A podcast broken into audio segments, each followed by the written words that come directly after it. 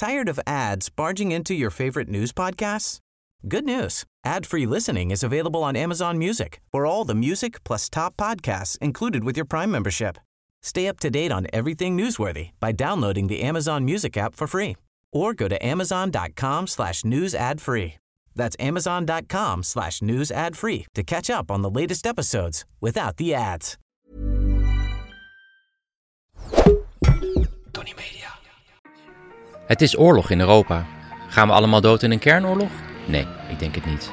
Gaat de oorlog de wereld veranderen? Dat weet ik zeker. In samenwerking met Dagblad Trouw probeer ik met deze podcast grip te krijgen op de oorlog. Hier houd ik je wekelijks op de hoogte van de situatie in Oekraïne en Rusland. Ik zat in de trein van Kiev naar Lviv met een soldaat en een jongen in burgerkleding, met z'n drie in de coupé.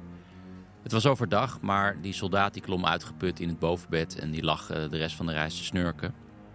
En die jongen in burgerkleding die kwam uit Lviv en was net begonnen bij de luchtvaartacademie. Hij deed een opleiding tot uh, luchtverkeersleider, wat ik ja, nogal optimistisch vond, aangezien in Oekraïne ja, geen enkel werkend vliegveld is. Althans voor de burgerluchtvaart. Hij zei te hebben getwijfeld of hij zijn toekomst wel door zou willen brengen in uh, Oekraïne. Maar uiteindelijk heeft hij besloten om hier te blijven. Want, zei hij, als alle jonge mensen verhuizen naar het buitenland, ja, wie zijn er dan nog over om het land op te bouwen? Volgend jaar gaat hij wel van studierichting veranderen. Hij wilde nu straaljagerpiloot worden en zijn droom is vliegen in een Nederlandse F-16. En dit is wat er gebeurde in week 43 van het tweede jaar van de oorlog.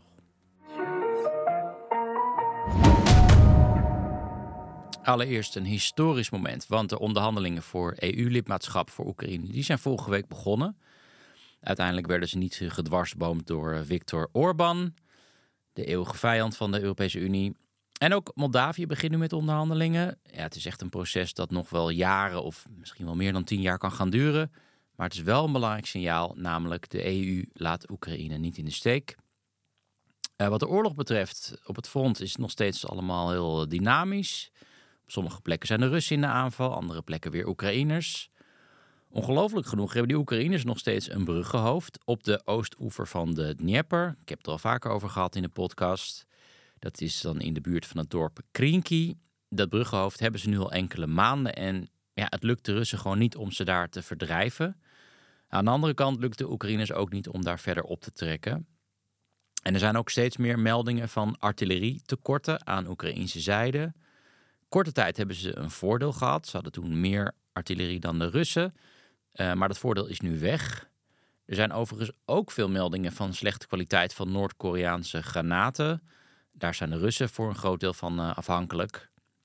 En ja, door al die tekorten, een beetje aan beide zijden, merk je dat zowel de Russen als de Oekraïners zich uh, ja, beginnen in te graven. De Oekraïners moeten daar nog grotendeels mee beginnen. En de Russen gaan intussen een stapje verder door hun loopgraven ook nog eens met daken te bedekken tegen Oekraïnse kamikaze-drones. De Oekraïners trouwens hebben deze week een nieuw type drones ontwikkeld die een beetje vergelijkbaar is met die uh, Iraanse Shahed-drone die de Russen op grote schaal gebruiken. En ja, zo zal de winter er misschien uit gaan zien. Mannen in de loopgraven en daarboven drones die proberen die mannen op te blazen. Verder afgelopen week een grote hackaanval van de Russen in uh, Oekraïne. Deze oorlog speelde tot nu toe hackers eigenlijk niet zo'n grote rol, in tegenstelling tot wat heel veel mensen dachten. Maar die zijn nu toch uh, uit hun hol gekropen. In dit geval gaat het om de hackersgroep Sonsepjok. Oftewel, dat vind ik echt een prachtig woord, zo ongeveer vertaald, de volle hitte van de zon. En uh, die groep die hackte Kyivstar, dat is het grootste mobiele netwerk van Oekraïne. En ongeveer 48 uur konden miljoenen Oekraïners niet bellen. En wat nog problematischer is, dat een aantal luchtalarmen in Oekraïne gekoppeld zijn aan dit netwerk. Waaronder in de stad uh, Dnipro, waar ik op dat moment verbleef. Ik had zelf gelukkig een simkaart van uh, een concurrent van Kyivstar gekocht. Dus ik, ik, had wel gewoon bereik. En op mijn telefoon kreeg ik dus een bericht dat het luchtalarm het niet deed in Dnipro. Maar dat er wel iemand in een auto met een megafoon door de stad zou rijden als er dus luchtalarm was. Ja, het is een stad van 1 miljoen mensen, dus ja, ik had nogal een uh, onrustige nacht. Ik sliep notabene in een hotel met de naam Tsunami. Geen grap, dat vond iemand een hele goede naam voor een hotel. En ja, ik vrees dat dit soort hacks uh, toe zullen gaan nemen deze winter. Gaan we verder naar de Russische media.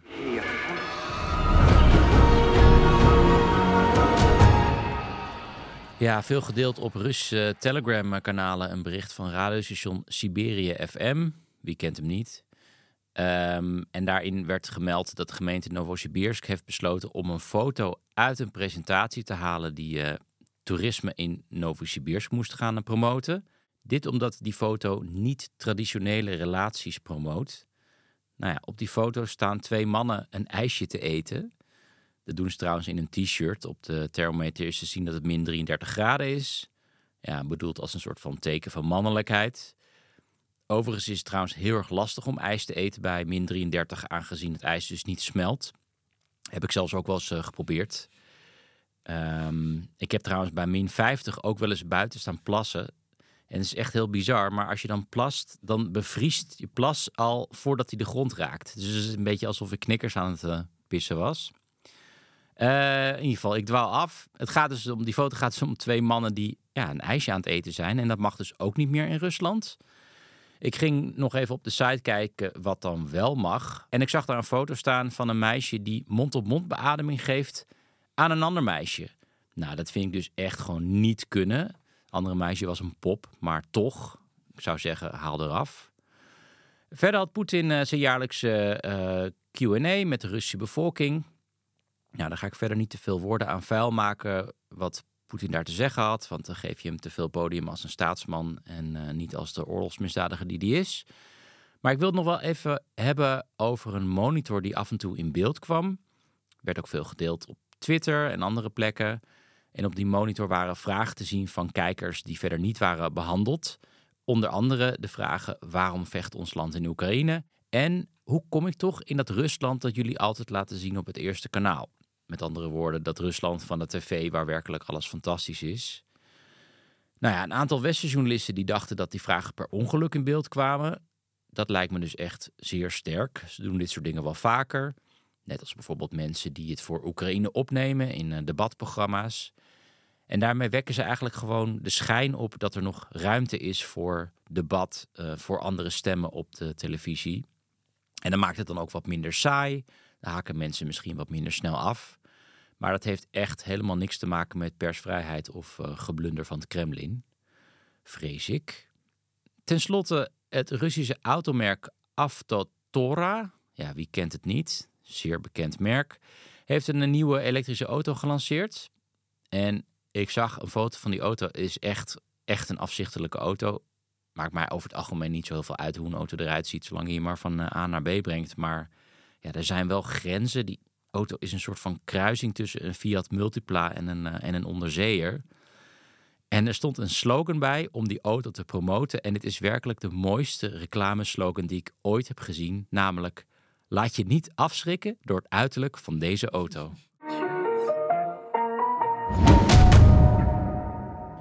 Eerst even dit.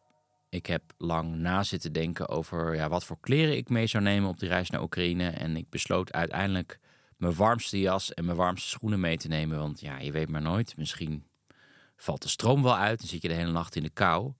Nou, dat bleek uiteindelijk helemaal niet te gebeuren. En ik zweette me dus helemaal kapot in een veel te dikke donsjas. Ik had ook ja, een soort van met wol gevulde laarzen. Oekraïners keken me ook aan alsof ik gek was. Ik ben trouwens met de Fixer nog naar een schoenenwinkel gegaan voor een goedkoop paar winterschoenen. Maar alles tussen de maat 41 en 46 was uitverkocht. Die verkoper vertelde me dat alles is opgekocht door ja, bezorgde moeders voor hun zonen aan het front. Dus de rest van de reis uh, heb ik verder gezweet in mijn wollen laarzen. Dus kan je voorstellen hoe blij ik was met een ontzettend luchtig t-shirt en ook luchtig ondergoed. En dat is natuurlijk van onze sponsor. Bamigo, Bamigo, Bamigo. Ik wil zo graag een Bamigo, Bamigo, Bamigo. Ik wil zo graag een onderbroek, luchtig en van bamboe. Ik wil zo graag een onderbroek, luchtig en van bamboe. Het is ook nog eens veel duurzamer. Je draagt dus letterlijk bij aan een beter milieu. Begin nou eens met de bamboe essentials, onderkleding zoals boxershorts, ondershirts en sokken. En inmiddels ook bovenkleding zoals truien, broeken en loungewear. Met 20.000 beoordelingen heeft Bamigo een gemiddelde beoordeling van 4,6 van de 5 sterren. Bestel nu. Met gebruikmaking van kortingscode JELLE25 krijg je maar liefst 25% korting op de gehele collectie, speciaal voor de luisteraars van Voordat de Bom Valt. Eerst even dit. Ik heb lang na zitten denken over ja, wat voor kleren ik mee zou nemen op die reis naar Oekraïne. En ik besloot uiteindelijk mijn warmste jas en mijn warmste schoenen mee te nemen. Want ja, je weet maar nooit. Misschien valt de stroom wel uit en zit je de hele nacht in de kou. Nou, dat bleek uiteindelijk helemaal niet te gebeuren. En ik zweette me dus helemaal kapot in een veel te dikke donsjas. Ik had ook ja, een soort van met wol gevulde laarzen. Oekraïners keken me ook aan alsof ik gek was. Ik ben trouwens met de Fixer nog naar een, schoenenwinkel gegaan voor een goedkoop paar winterschoenen. Maar alles tussen de maat 41 en 46 was uitverkocht. Die verkoper vertelde me dat alles is opgekocht door ja, bezorgde moeders voor hun zonen aan het front. Dus de rest van de reis eh, heb ik verder gezweet in mijn wollen laarzen. Dus kan je voorstellen hoe blij ik was met een ontzettend luchtig t-shirt en ook luchtig ondergoed. En dat is natuurlijk van onze sponsor. Bamigo, Bamigo, Bamigo. Ik wil zo graag een Bamigo, Bamigo, Bamigo. Ik wil zo graag een onderbroek, luchtig en van bamboe. Ik wil zo graag een onderbroek, luchtig en van bamboe. Het is ook nog eens veel duurzamer. Je draagt dus letterlijk bij aan een beter milieu. Begin nou eens met de bamboe essentials, onderkleding zoals boxershorts, ondershirts en sokken. En inmiddels ook bovenkleding zoals truien, broeken en loungewear. Met 20.000 beoordelingen heeft Bamigo een gemiddelde beoordeling van 4,6 van de 5 sterren. Bestel nu. Met gebruikmaking van kortingscode JELLE25 krijg je maar liefst 25% korting op de gehele collectie, speciaal voor de luisteraars van Voordat de Bom Valt. Ja, ik mag het afgelopen jaar wel veel grappen hebben gemaakt over Bamigo, maar het zijn wel een van de meest trouwe sponsors geweest van het afgelopen jaar. Ja, het kost gewoon geld om deze podcast te maken. Ik zit hier in de studio met een redacteur en een technicus. Er schuiven hier ook gasten aan. Ik steek zelf natuurlijk ook veel werk in. We zijn intussen bij aflevering 136, ongelooflijk. En ja, dat kunnen we gewoon allemaal alleen maar betalen met sponsors zoals uh, Bamigo. Maar goed, met de komst van het nieuwe jaar moeten we gaan kijken of ik die podcast nog wel verder ga maken en ook in welke frequentie. Het is in ieder geval duidelijk dat er een behoefte blijft bestaan aan een podcast over de oorlog. Want ja, jullie blijven gewoon allemaal uh, luisteren. En ja, nu is het misschien relatief rustig, maar er kan zo weer een groot offensief beginnen van Oekraïnse of van Russische kant. Of er kan altijd iets geks in Rusland gebeuren. Niemand zag bijvoorbeeld aankomen dat uh, Prigozhin uh, zijn legertje naar Moskou op zou laten trekken. Niemand weet ook wat de reactie is als Navalny inderdaad dood blijkt te zijn. Niemand weet wat er gebeurt als Poetin doodgaat. Ja, kan altijd ook nog, hè? Gewoon ouderwets, een hartaanval. Niemand weet ook wat voor spanningen er echt spelen tussen Zelensky, Klitschko en uh. En niemand weet ook wat het breekpunt is voor Oekraïnse militairen, waarvan sommigen al sinds het begin van de oorlog aan het vechten zijn aan het front. Nou ja, zo kan ik nog wel even doorgaan. Er zijn zoveel variabelen. Dus deze podcast die blijft wel nodig, dat is duidelijk. Maar of dat kan en in wat voor vorm, daar moeten we nog even goed over na gaan denken. Ik hoop het wel natuurlijk. Bij mij in de studio is schrijver Jaap Scholten. Hoi Jaap. Dag Jelle. Jaap is hier al vaker te gast geweest. Jaap woont in Hongarije, maar ook in eh, Amsterdam. En vrijwel vanaf het begin van de oorlog helpt hij Oekraïne en de Oekraïners. Hij hield daar een dagboek over bij. En wat ook een beetje de basis is voor zijn fascinerende en ook wel geestige boek. Drie zakken dameskleding, twee cakes Kiev en een sniper. Toptitel sowieso. En uh, onlangs maakte hij een reis naar Oekraïne voor schrijversorganisatie PEN. Waar staan die letters eigenlijk voor, Jaap? Poetry. Uh, nee, po God nee. God nee. God nee, het is echt onmogelijk. Het is ook nergens te vinden op het internet. Precies, daar hadden we een hele lange discussie uh, over. Ik dacht, nu weet essayist. Ja. en van novelist en P is van poets natuurlijk. poets. Ja, Tuurlijk, die zijn ik- ook heel belangrijk. Ik, ik, had alleen maar poetry in mijn hoofd. Maar ik wist niet meer wat, de, hoe diegene heet die dat maakt. Ja. Ja, poets, Poets, ook. ja. Ben je nog een dichter tegengekomen? Zou waren Ja. er dichters mee? Er het waren geen dichters mee, maar Oh. er was wel. Ik ben een schrijver tegengekomen die nu eh, voor de krijgsgevangenen zorgt en probeert de Oekraïnse schrijver neem ik aan. Oekraïnse schrijver. Ja. En uit een jonge, jonge jongen, deze schrijver. En, eh, maar die is nu, doet hij de onderhandelingen onder andere, ja, of is hij bij betrokken op een of andere manier, tussen de, de krijgsgevangenen uitwisselingen. Oh, wauw. En dat is iets krankzinnigs, iets wat ik ook eerder helemaal niet wist.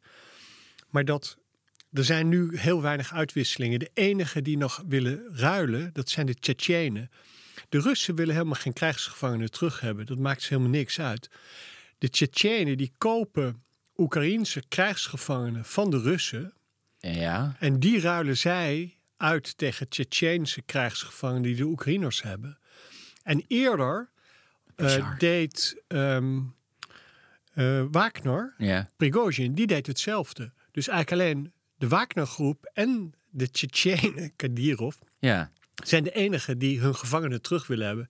De Russen willen hun gevangenen helemaal niet terug Kan ze, gewoon niet, eh, kan ze gewoon niet schelen. Past Nee, ook een het- beetje in lijn met dat het gewoon eh, kanonnenvoer is. Of, of, Ja, of misschien had je dan maar niet over moeten ook, geven. Die hebben dan gezien hoe het in het Westen is. Oh ja. Dus ja, Weet jij hoeveel een eh krijgsgevangene kost? Hoe, hoe, wat, hoe, hoeveel kost een Oekraïns krijgsgevangen? Of nee, maar het is heel moeilijk, want de Oekraïners weten ook niet wie de Russen krijgsgevangenen hebben. Ja, Dus ze weten niet alleen eh, door te zeggen, nou nu, eh, want dan hebben dus de, de, de, de Tsjetsjenen hebben dan eh Oekraïnse krijgsgevangenen gekocht van de Russen. ja. En dan zeggen ze ooit het, nou, we- we hebben er 50 of zo. En dan krijgen ze eigenlijk pas lijsten met namen. En dan zien ze, dus ze proberen altijd zoveel mogelijk in gesprek te zijn, dat ze af en toe lijsten krijgen met namen. Want dan weten ze dat die mensen waarschijnlijk nog leven. ja. Eh, maar verder weten ze eigenlijk niks van hun gevangenen. Ze weten niet hoeveel er zijn. En ja, daar zullen ze wel schattingen van hebben. Maar ze hebben zelf eh, in, in West-Oekraïne hebben ze grote, eh, ja, heel, heel veel krijgsgevangenen houden ze. En die proberen ze ook ontzettend goed te behandelen. Want was, En dat, ik- was dat ook waar je die foto... Je stuurde een paar foto's van een soort van eh, oude gang. Werd me niet helemaal nee, duidelijk nee, van, dat is weer ah, iets heel anders. Ah. Dat zal ik daar ook vertellen. Ja, Maar, het, ehm, maar ik wil bij een van de volgende bezoeken... wil ik proberen die, die Russische krijgsgevangenen te bezoeken. Mm. En die jongen, die, die schrijver, zei... ja, het is ongelooflijk hoe apathisch ze zijn. Hoe... er komt niks uit. Nee, Die, ik bedoel, je zou zeggen dat, dat ze Ja. hun best doen om, om, om vrij te komen. Of, of dat ze misschien anders gaan denken over de oorlog als ze eenmaal gevangen genomen zijn. En erachter komen dat het geen nazi's zijn, alle Oekraïners. ja, Nou, is het niet zo. nee. Hey, ik heb een vraag aan jou. Oh, kan ook. Ehm, hoe, hoe is het voor jou dat... dat ik bedoel, jij bent ongeveer Mr. Rusland... Ja. Je houdt, je, ik- denk dat je van het land hou- houdt of hield, of van de mensen. Mm. Hoe is het voor jou dat, dat die Russen nu opeens al deze dingen doen? Ja, ik vind dat heel, heel kut. Ehm, omdat ik ook ja, natuurlijk dol ben op, op Russen en eh, heel veel leuke dingen daar heb meegemaakt. Eh, maar ik zie dat het hele land gewoon te gronden wordt gericht nu. Ehm, ook natuurlijk met steun van de bevolking, want ik wil me ook niet helemaal achter, achter Poetin eh, verschuilen. Ik heb ooit Anna Politkovskaya geïnterviewd. eh, eh, Ik ken daar ook. Ah ja? Ja. Ah. Nou ja, eh, voor de luisteraars is een, een journalist die heel kritisch schreef over Poetin. Ehm, en ik kon haar interviewen, was dat net in een van de boeken geschreven. En in dat boek ja, fikt ze Poetin helemaal af.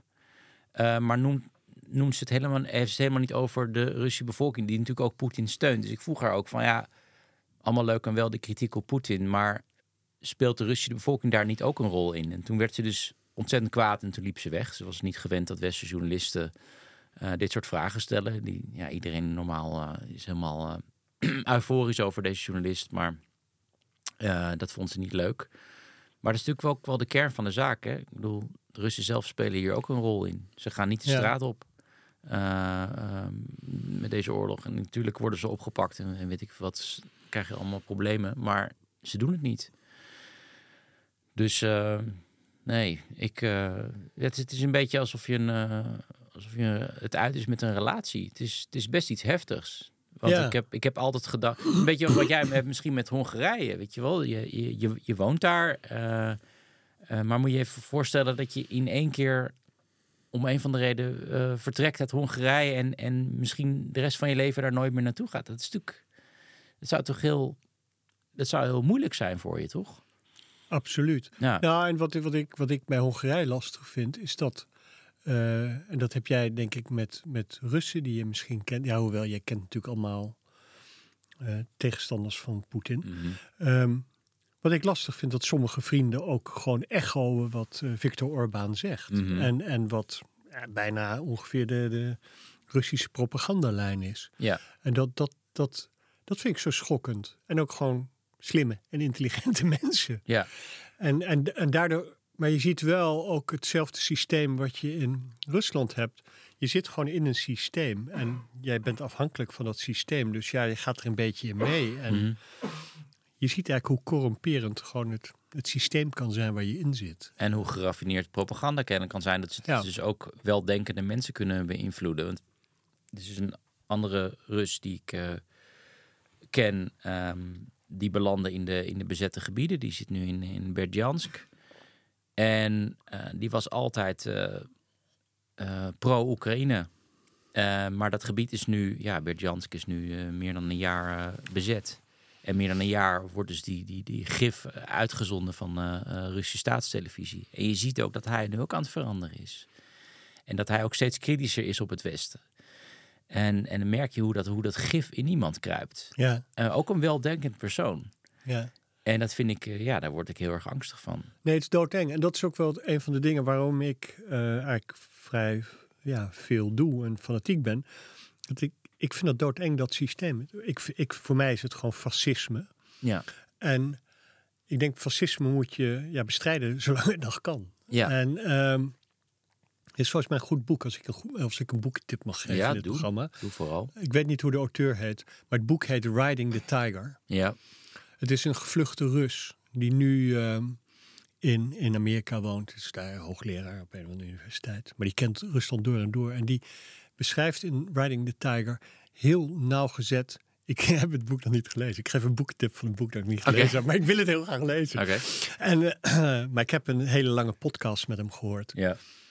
En, maar hij geeft heel goed weer hoe, hoe dat land, ja, hoe mensen langzaam vergiftigd zijn. En, hoe, en dat is het enge. En dat, dat is denk ik iets wat we allemaal heel goed moeten beseffen. Hoe Poetin eh, eigenlijk al nou, tien of vijftien jaar lang doende is het land voor te bereiden op oorlog. En de hele tijd dat beeld schetsen van een grote vijand, van dat, eigenlijk die hele wereld ongeveer, van de NATO en Europa en Amerika. Iedereen die eigenlijk ons wil vernietigen, Mhm. Omsingeld door vijanden. omsingeld door vijanden. En, en daar heel veel op, op, dus op, op scholen en heel veel doet om, om dat er maar in te krijgen. En ja, het is doodeng als mensen zo vergiftigd zijn. Ja. En, eh, hij, hij gaf als voorbeeld, hij zei het is veel erger dan het ooit is geweest in de Sovjet-Unie. In de Sovjet-Unie leerde je op de universiteit op een gegeven moment een beetje, kreeg je een soort militaire scholing, was, dat hoorde erbij. Dus Mhm. dan moest je wat marcheren en met, met een Kalashnikov schieten. Ja. Maar dat nu al op de middelbare school is en dat zelfs al kinderen op de lagere school al met houten stokken en met, met dingen leren hoe je een granaat moet gooien. En ja. Dat is doodeng. En het gaat ook niet voorbij, denk ik, als Poetin. ehm, nou, stel, hij zou nu een hartaanval krijgen en, en Poetin zou verdwijnen. Dat betekent niet dat dan in één keer een fantastische democratie is, natuurlijk. Nee, Rusland. dat is, En dat, daar zijn Oekraïners ook zo van doordrongen van we moeten, we moeten ons voorbereiden op dat we de rest van ons leven Rusland als gevaar zullen hebben, wie er ook aan de macht is, toch? Dat, dat ja, hoor je denk dat ik denk ook wel. ik ook. Ja. Dat denk ik totaal. En ik, ik ben sowieso van overtuigd, want ik zie dat met twintig jaar in Hongarije leven, dat een cultuur veranderen is een ongelooflijk traag proces. Ja. Het is iets van generaties en generaties. En dus een, ik denk dat het makkelijker is om een land te vergiftigen dan te ontgiften. Mhm. En dus ik denk dat dat heel lang duurt. Dat gif ja. zal dan blijven. En dan is, dat is de vraag, wat stellen wij daar tegenover? Want ik las eh, vandaag een interview met de hoogste militair van België. En die zegt: We zien dat Rusland is overgeschakeld op een oorlogsindustrie. Ik denk dat we ons terecht zorgen moeten maken. Het is absoluut niet uitgesloten dat ze andere ideeën krijgen. Bijvoorbeeld in, bijvoorbeeld in Moldavië of de Baltische Staten. Europa moet zich dringend voorbereiden. Zijn we ons daarvan genoeg bewust? Ik denk het niet. Ik denk wel, we zijn natuurlijk, deze hele inval en alles is natuurlijk een soort schok, waardoor we opeens, want we hebben natuurlijk 30 jaar geleefd in een gevoel van veiligheid en ook in, in ongelooflijke rijkdom met z'n allen, want we hebben al nooit daar geld aan uit hoeven te geven. Ik denk wel dat nu dat doordringt, maar nog niet totaal. Plus wat ik ook nog daarbij komt, ik denk Russische propaganda en het ook het vergiftigen van andere samenlevingen, daar zijn ze heel goed in. Mm. Om, om kleine, ja, niet, niet om mensen helemaal op andere ideeën te brengen, maar op het idee dat je eigenlijk ook niks kan weten en dat het ook allemaal onduidelijk is en dat, dat het ook allemaal meevalt. De waarheid ligt in het En midden. Er is eigenlijk helemaal geen waarheid. Ja, En ja, dus ik, ik denk, denk dat, eh, dat we daar nog lang niet van doordrongen zijn. En wat, wat, wat ik bijvoorbeeld heel zorgelijk vind, is dat eh, de banken en de, ehm, de, hoe noem je dat, pensioenfondsen, die willen niks met defensie te maken hebben. En daardoor is het heel moeilijk om een, een noodzakelijke defensieindustrie van de grond te tillen. Hmm. Want het moet ergens, die financiering moet ergens vandaan komen. En dat is heel bazaal. En dus de pensioenfondsen spelen echt een hele kwalijke rol. En ik, ik weet dan niet verder hoe dat in elkaar zit. Of die puur reageren op Europese wetgeving of hoe dat zit. Maar het zijn natuurlijk hele trage processen om dat weer om te buigen. Terug naar waar we 30 jaar geleden waren. ja, dus daar zou eigenlijk ook een cultuuromslag moeten komen. In de tussentijd, ja, helpen jullie bijvoorbeeld het Oekraïns leger met het leveren van, eh, eh, van spullen? Wij zijn natuurlijk van de zomer samen geweest om, eh, wat waren het, zeven, zeven voertuigen die kanten op te brengen. Ja. Waarvan er geloof ik vijf uiteindelijk Oekraïne hebben gehaald. Maar het goede nieuws is die twee, want één is er in, in Polen achtergebleven en Ja. andere in Duitsland. Die zijn inmiddels allebei aan het front. Dus zijn die zijn op want ik- allebei later opgelapt. Want En, ik ben eh, even benieuwd van die, van die zeven voertuigen, hoeveel, hoeveel rijden er nu nog aan het front? Nee, ik weet niet precies hoeveel. eh, er waren twee van die Discoveries bij. Die zijn ook. er is vlakbij een raket ontploft. Daar heb ik Mhm. de vorige keer weer nieuwe koplampen voor meegenomen. Ehm, maar volgens mij rijdt die nog. Maar het is niet zo dat ik die militairen elke keer vraag van stuur nou weer foto's. Dus Nee, ik, wij, wij, wij geven ze aan die militairen en dan meestal sturen ze nog één of twee keer foto's van die auto's. Eh. Dat ze in gebruik zijn. ja. Maar daarna, ja. En maar de gemiddelde levensduur van die auto's aan het front is, is geloof ik eh, vijf, zes weken of zo. Ja. Dus het, ja, weet, niet of, ik weet niet hoeveel er nog rondrijden. Dat komt ook door de kwaliteit van de weg. Gewoon daar. Hè. Het is niet, wordt niet Nee. allemaal opgeblazen, maar gewoon. Het is gewoon. Ja, maar wat, wat heel veel gebeurt.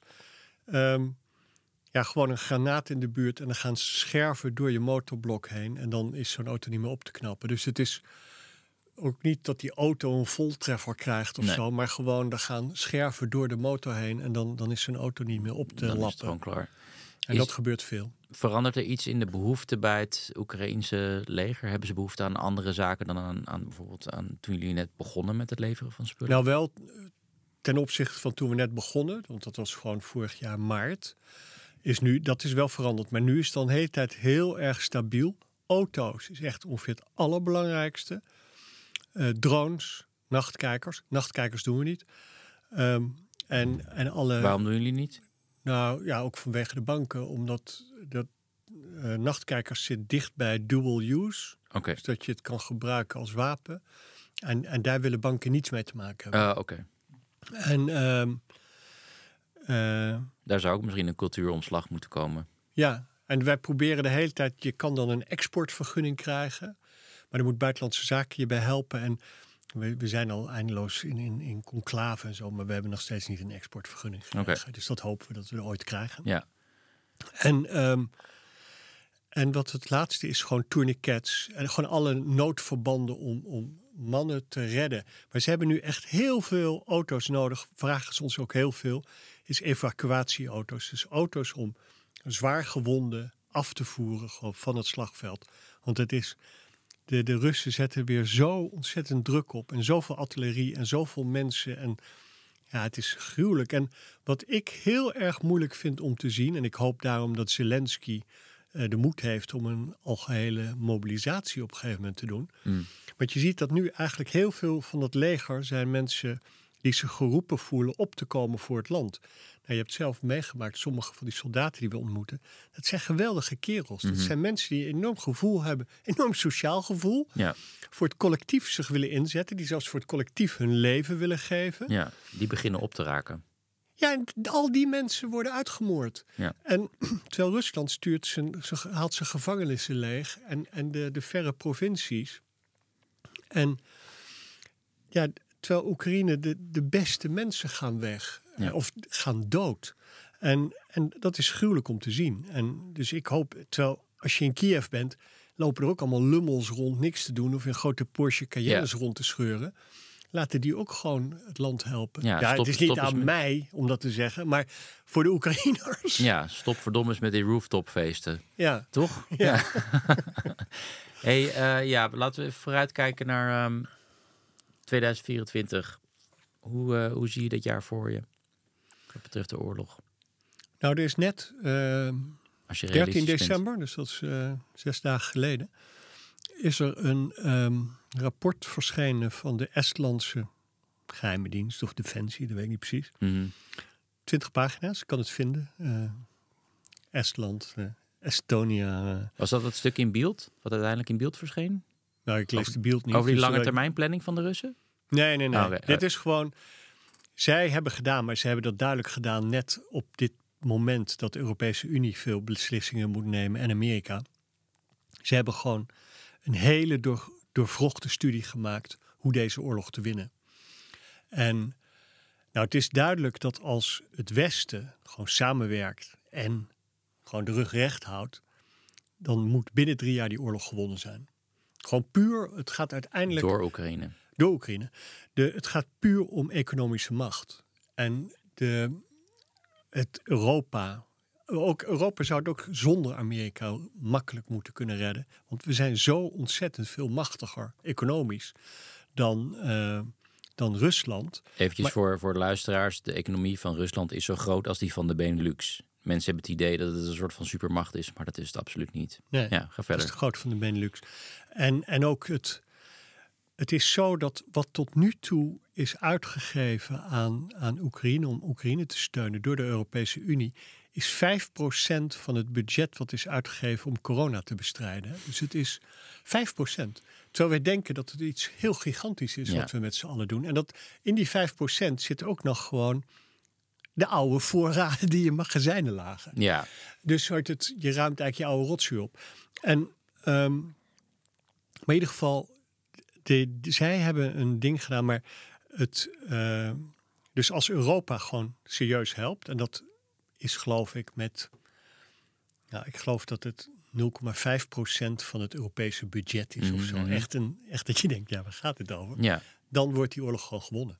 Ja. En ehm, Maar daar draait het eigenlijk om. Hè? Houdt Europa de rug recht? Ja, Eh, zijn houdt Europa staat? recht. En, en dat is natuurlijk doodeng. Dat, eh, en, en ja, ik, ja, ik ben ervan overtuigd dat, dat, dat, en dat blijkt ook wel uit allerlei onderzoeken van Zembla en iedereen, dat Rusland overal waar ze kunnen, destabiliseren ze. En, en geven ze het idee dat wij in een krankzinnige wereld leven Mhm. en, en Rusland het paradijs is. En nou, daar weet jij iets meer van. Mhm. Het, eh, eh, hoe het in Rusland is. Maar in ieder geval, en, maar de, het is natuurlijk heel zorgelijk. En het is natuurlijk een heel zorgelijk jaar wat eraan komt. Hè? We hebben verkiezingen in Frankrijk, of is dat nog iets later? Nou, in ieder geval in Amerika. In Amerika. Ja. Maar ook Frankrijk is natuurlijk een grote kans dat eh, Le Pen daar de baas Mhm. wordt.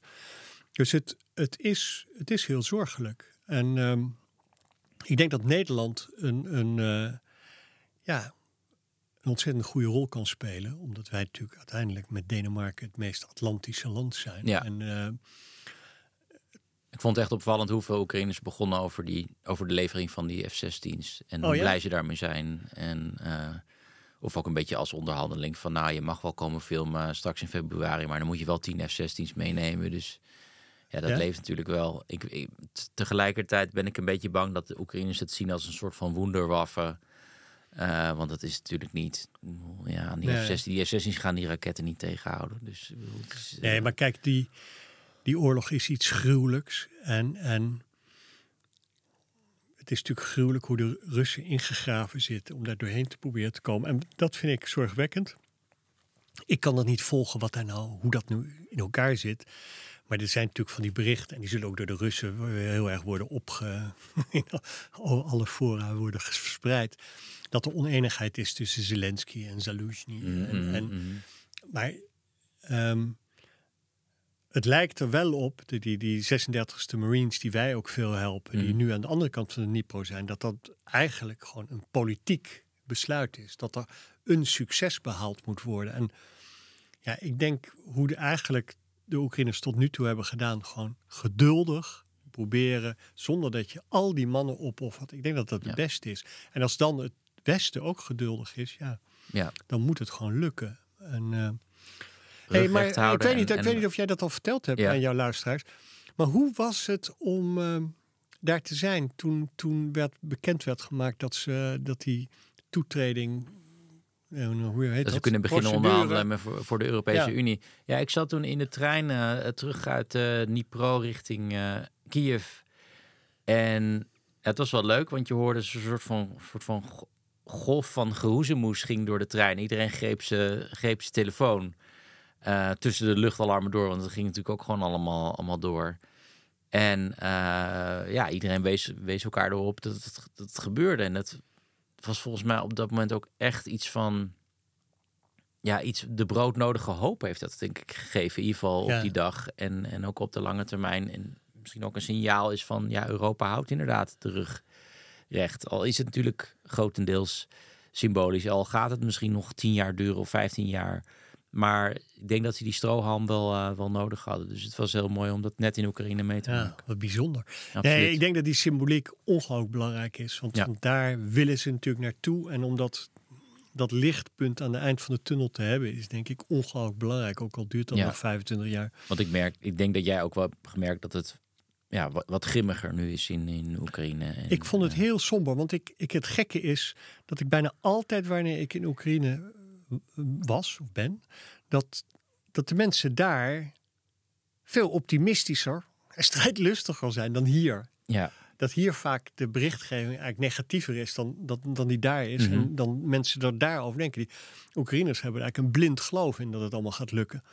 En, maar nu was de eerste keer dat ik meerdere ja, mensen die ik echt al bijna als vrienden beschouw, sprak die ja, één echt heel somber, echt heel somber. Ja. En dus ik denk dat, maar ik was er dus vlak voor jou. ja, ja. Ehm, dus ik denk dat inderdaad die, dat bericht heel belangrijk is. Dat, gewoon, dat er hoop is. ja. En dat is ook wat wij eigenlijk, denk ik, heel erg met die, met die ja, konvooien doen. Is het brengen van hooi, hoop op Ja. kleine schaal. En ik heb echt een, een, een, ja, een jonge vrouw gesproken. Een stuk jonger dan mijn eigen kinderen. 26. En Katja, die heb ik geïnterviewd in een parkeergarage. Want er was luchtalarm in Kiev. ja. En die, die, was, die werkte nu als medic. En overal en, en, aan het front.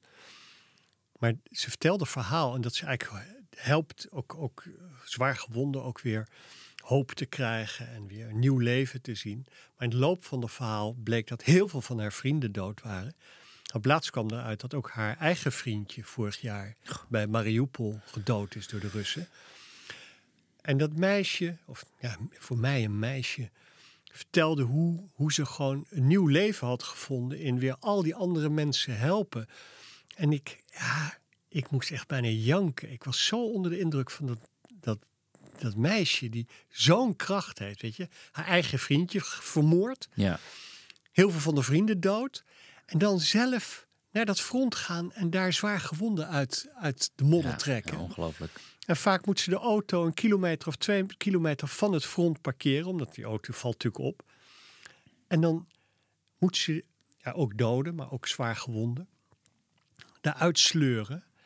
Een iel meisje. En, maar ze zei, ja, krijg je zoveel adrenaline, dan lukt gewoon. Ja, En ja, ja het, ik, het is echt prachtig. En ik denk ook, ja, laten we hopen dat deze mensen gewoon hun, hun werk blijven doen. En eh, het 2024 wordt gewoon een heel erg belangrijk jaar. En ik hoop ook dat Europa gewoon de rug recht kan houden en uh, Oekraïne zal blijven steunen. Daar ga ik eigenlijk ook wel vanuit, eerlijk gezegd. Jaap Scholten, dankjewel voor het gesprek. Dankjewel Jelle. Als je nou een donatie wil doen voor Protect Ukraine, ga dan naar protectukraine.nl. Uiteraard staat er ook een link in de show notes. Dit was het voor deze week. We zoeken nog adverteerders voor deze podcast. Geïnteresseerde bedrijven kunnen een mailtje sturen naar adverteren.tonymedia.nl. Tony is met een Y. En jullie kunnen je natuurlijk nog steeds inschrijven voor de limited hardcover editie van mijn boek Spullen brengen over mijn reis die ik met Jaap naar Oekraïne maakte. Met zeven auto's gevuld met helmen en kogelvrije vesten. Ga daarvoor naar dasmag.nl slash spullenbrengen. Link staat natuurlijk ook in de show notes. Inschrijven kan tot 31 december. Een deel van de opbrengst gaat naar Protect Ukraine. Dat is natuurlijk die stichting van Jaap die eh, spullen inzamelt voor het Oekraïnse leger. Volgende week is het kerst en is er even geen uitzending. Ik meld me 2 januari weer. Tegen die tijd weten we ook beter hoe en wat uh, ja, over deze podcast. In ieder geval ontzettend fijn dat nog steeds zoveel van jullie hier naar luisteren. Uh, vele van jullie sinds de eerste podcast, dat weet ik. Dat is alweer bijna twee jaar geleden. En ja, ik hoop dat er volgend jaar wat meer lichtpuntjes zullen zijn in Oekraïne en in het Midden-Oosten, Nederland zelf. Misschien dat door een wonder Trump uiteindelijk geen president wordt. Laten we het hopen. 2024 zal in ieder geval voor de hele wereld een heel belangrijk jaar worden.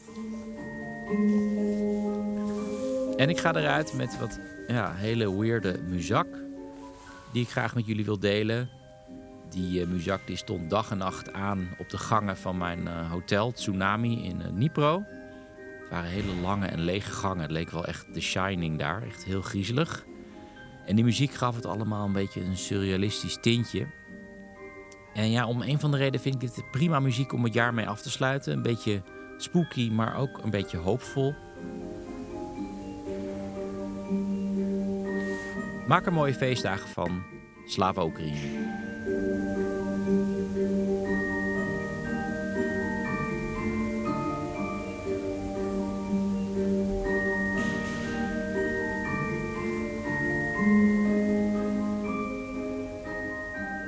Dit was een productie van Tony Media en Dagblad Trouw. Voor meer verdieping ga naar trouw.nl.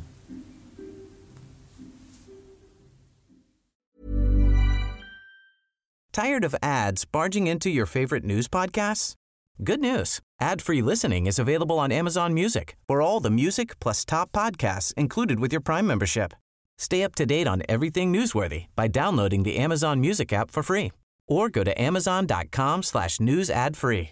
That's amazon.com slash news ad free to catch up on the latest episodes without the ads.